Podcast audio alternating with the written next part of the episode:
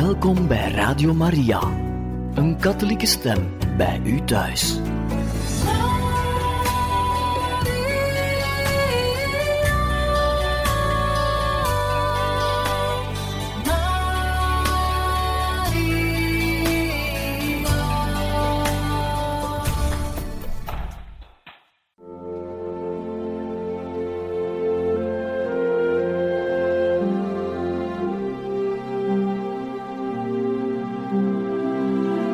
Beste luisteraars van Radio Maria, welkom bij het programma Catechismus.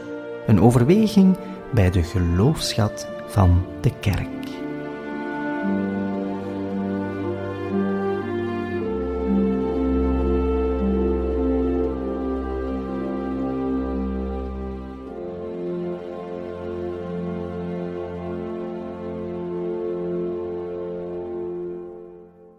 Van harte welkom, beste luisteraars, in het programma Catechismus. U kan vandaag verder luisteren naar de catechese-reeks, gebracht door Salvatoriaan Pater Michel Copin, waarin hij ons spreekt over zending vanuit het Evangelie. Beste luisteraars, wij hebben de, in de laatste uitzendingen zijn we bezig geweest hoe dat wij de zending van Jezus Christus kunnen terugvinden in zijn leidersverhaal. Vandaag zetten wij een nieuwe stap en bekijken wij hoe dat vanuit het paasgebeuren Jezus zijn leerlingen uitzendt. Ik zou willen beginnen met een gebed die ik ontleen aan Frère Roger van Thésée. Onze tijd draagt merkteken van het pessimisme het plakt aan de huid. Het zet gezichten strak. Het verlamt de krachten en spreekt de woorden: Waartoe dient allemaal? Tonrecht is te groot, kwade wil loopt over en overal zit lamlendigheid. Zei iemand: Pessimisme riekt als de dood, triest als Goede Vrijdag zonder de vreugde van Pasen. Maar sinds de Pasen blijft in ons de hoop, taal en koppig, soms ook broos, maar telkens herbromt en gerechtvaardigd aan de kracht van de verrezen Christus. En machten openbaren zich, woeden zich weer los. Zet je op weg, begrijp de waarde van één stap en één gebaar. Ontdek hoe het mogelijk is te herbeginnen over alle vallen en opstaan heen. Heer onze God, voor ons als gelovige christenen is deze dag van Pasen de belangrijkste van het jaar. Wij beleiden dat Jezus waarlijk verrezen is, dat Hij leeft en dat Zijn geest ons denken en doen wezenlijk beïnvloedt. Maar ook bidden wij u, kom ons zwakke geloof te hulp, opdat wij Hem, die wij niet zien en in wie wij toch geloven, nooit teleurstellen. Jezus Christus, onze Heer. Amen.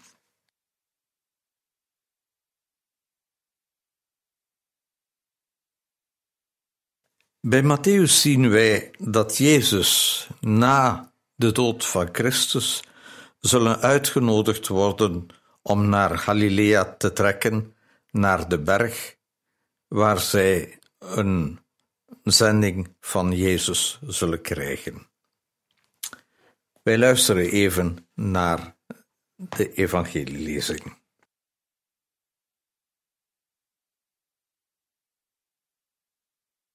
De engel zei tegen de vrouwen: Jullie hoeven niet bang te zijn. Ik weet dat jullie op zoek zijn naar Jezus die aan het kruis gestorven is. Maar hij is hier niet, want hij is opgestaan uit de dood, zoals hij gezegd heeft. Kom maar kijken, hier heeft hij gelegen. Ga nu snel naar de leerlingen en zeg hun dat Jezus uit de dood is opgestaan.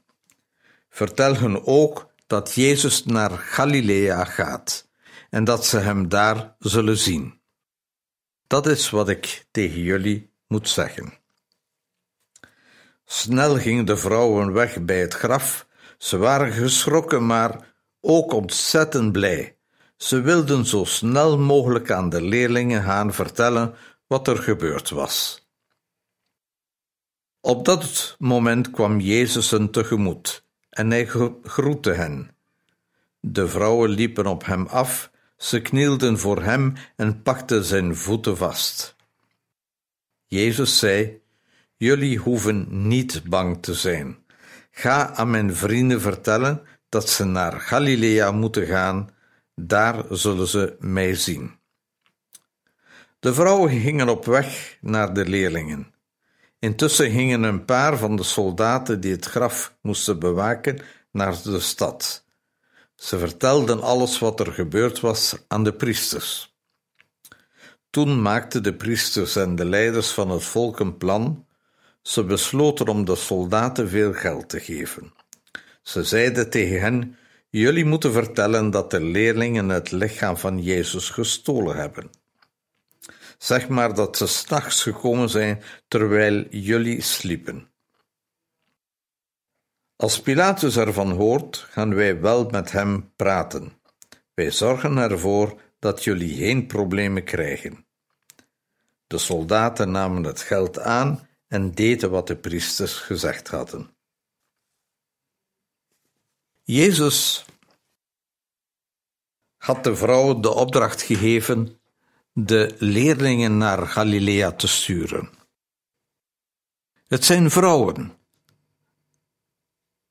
die de eerste zijn om de leefde Jezus te ontmoeten en hun leven binnen te laten.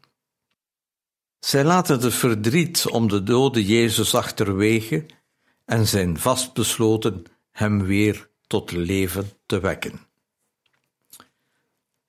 De vrouwen zullen de eerste zijn die zullen aanvaarden dat ondanks de dood de Heer leeft, want ze hebben hem gezien in hun hart, in hun wezen.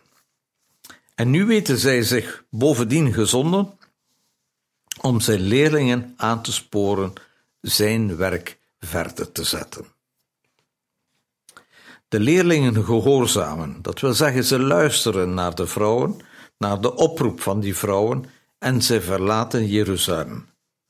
Jeruzalem is voor hen te gevaarlijk. Ze hebben schrik voor een veroordeling. De Joden van Jeruzalem zijn bovendien niet ontvankelijk om de boodschap van Jezus tot zich op te nemen. Ze gaan naar Galilea. Dat wil zeggen, zij kunnen naar zich de woorden en daden van Christus weer voor ogen stellen. Ze vinden daar wel gehoor bij de mensen. Zij herinneren zich hoe in Galilea alles vlotjes liep en hoe in Jeruzalem alles gedwarsboomd werd. Ze gaan naar de berg die Jezus hen had aangewezen.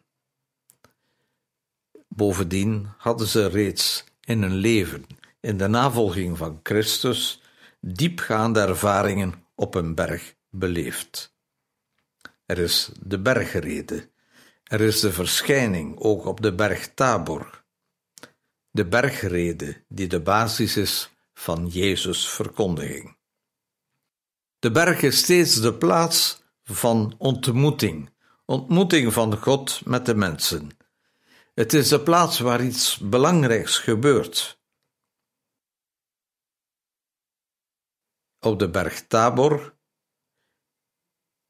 wordt Jezus voorgesteld, naast Mozes en Elia, als de voltooiing van deze bevrijder, als de voltooiing van de boodschap van de profeet.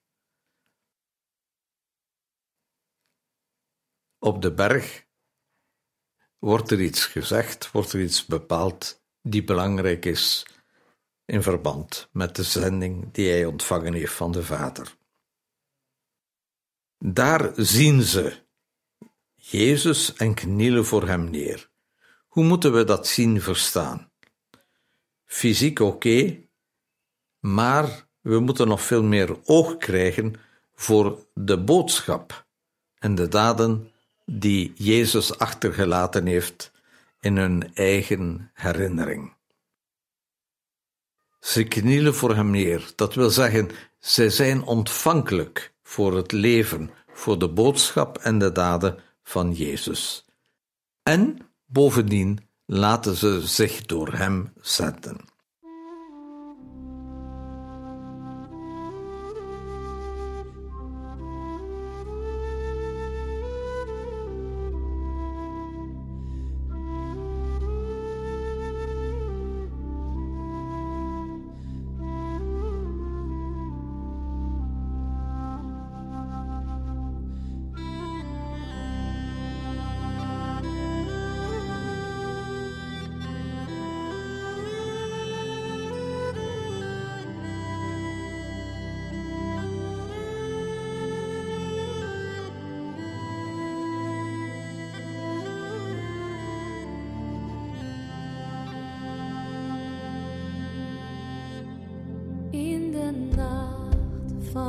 ons bestaan.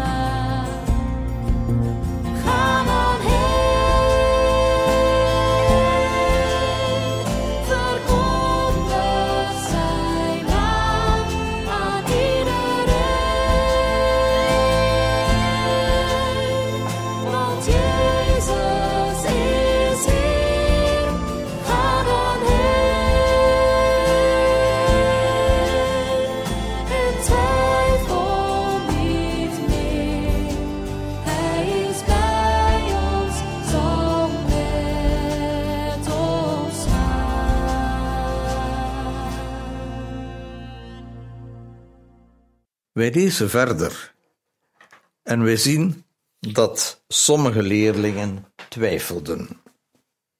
De elf leerlingen gingen naar Galilea, ze gingen naar de berg die Jezus genoemd had. Toen ze Jezus zagen, knielden ze voor hem, maar sommige leerlingen twijfelden. Jezus kwam dichterbij en zei tegen de leerlingen: God heeft mij alle macht gegeven in de hemel en op de aarde. Jullie moeten naar alle volken gaan, zodat iedereen mijn leerling kan worden. Jullie moeten de mensen dopen in de naam van de Vader en van de Zoon en van de Heilige Geest. Leer de mensen om zich te houden aan alles wat ik jullie verteld heb.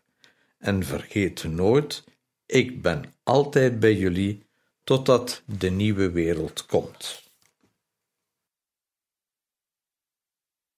Sommige leerlingen twijfelden. Ze twijfelden niet in de aanwezigheid van de Heer, maar wel aan de inhoud van zijn boodschap en vooral aan de resultaten van zijn spreken en handelen. Is het dat wat ons moest overkomen?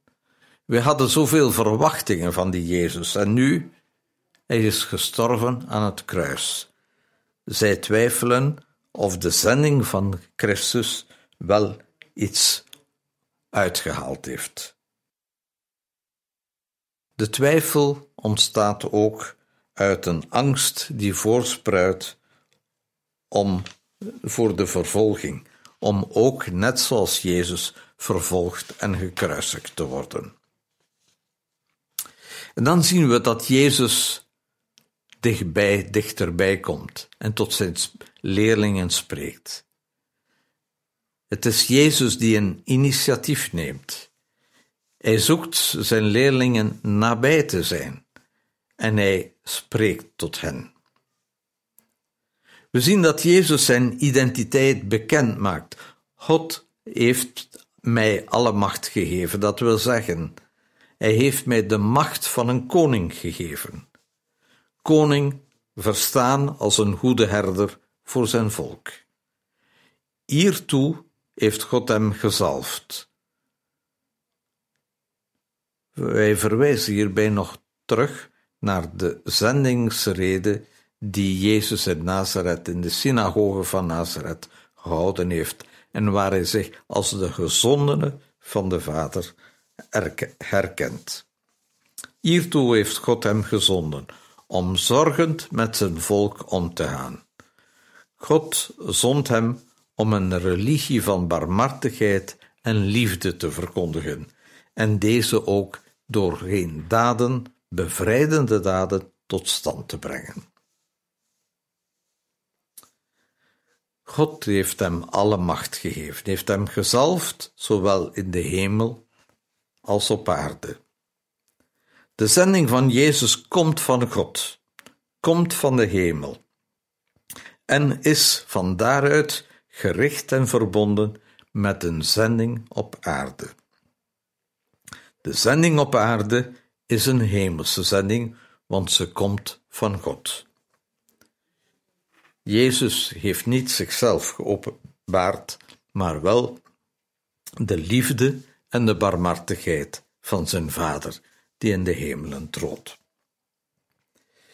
Nu krijgen de leerlingen van Jezus de opdracht, de zending, om naar alle volkeren te gaan, zodat iedereen zijn leerling kan worden.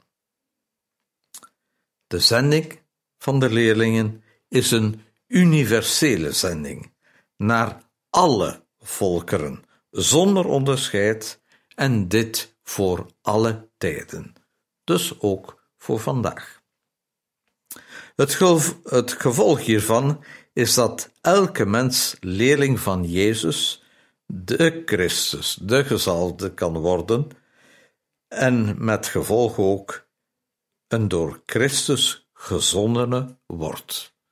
Je wordt leerling, maar eens je leerling bent, word je ook gezonden. De leerlingen van Jezus krijgen de opdracht om de mensen te dopen in de naam van de Vader, de Zoon en van de Heilige Geest.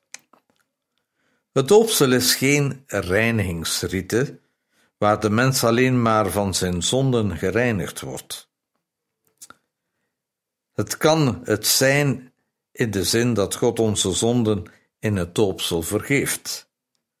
Maar veel eer gaat het om een zendingsritueel, waarbij de mens iets ontvangt en waarbij hij ook een opdracht krijgt. Hij ontvangt de liefde van God, de barmhartigheid, de vergevingsgezindheid, dus het nieuwe leven van de Vader. Maar hij wordt hierdoor ook als een kind zijn van God lid van een grote gemeenschap van kinderen van God. Maar hij krijgt ook als kind van God een zending, de zending om die genade, die liefde van God aan anderen door te geven. Het doopsel voltrekt zich in de naam van de Vader. Het is vanuit Hem dat liefde, genade en barmhartigheid, vergevingsgezindheid naar de mens voortvloeit. Het voltrekt zich in de naam van de Zoon. Hij is de mens geworden God die deze liefde, die barmhartigheid, deze vergevingsgezindheid voor de mens tast en ervaarbaar gemaakt heeft. En het doopsel voltrekt zich ook in de geest, ons door de Zoon als helper, als inspirator belooft.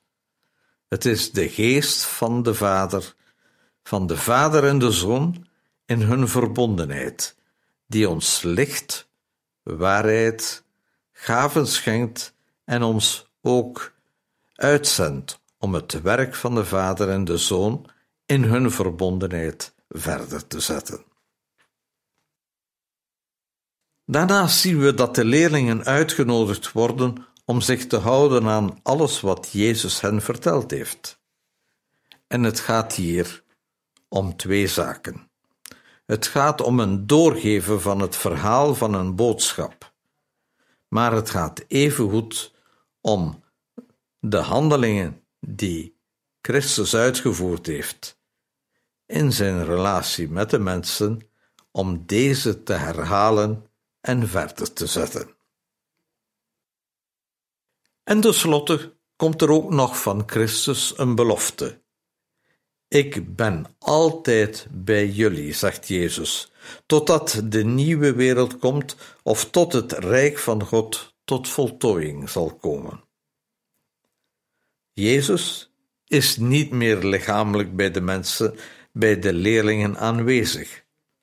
Het is zijn geest, zijn inspiratie, die de leerlingen bij hun zending voedt, maar ook hen helpt bij de moeilijkheden die zij zullen ondervinden bij het uitvoeren van die zending. Jezus is weg, materieel althans lichamelijk, maar nu kunnen zijn leerlingen zijn zending volledig verder zetten met de hulp van de geest.